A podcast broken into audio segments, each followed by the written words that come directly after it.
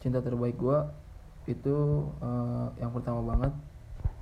Jadi setelah rap relationship yang gue jalanin kemarin yang tadi gue ceritain itu bikin gue banyak berpikir. Dan di fase-fase itu gue baru sadar ternyata gue nggak pernah jatuh cinta terhadap diri gue sendiri cuy. Kebahagiaan gue tuh selalu digantungin ke orang ke temen gue ke keluarga pasangan ke lingkungan. Jadi kalau mereka lagi gak bisa bikin gue happy ya gue bete banget. Dan setelah itu akhirnya gue cabut dari relationship yang tadi.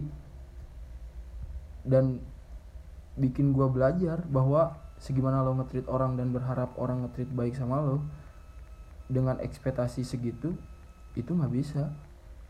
Tetap harus lo yang ngetrit diri lo terbaik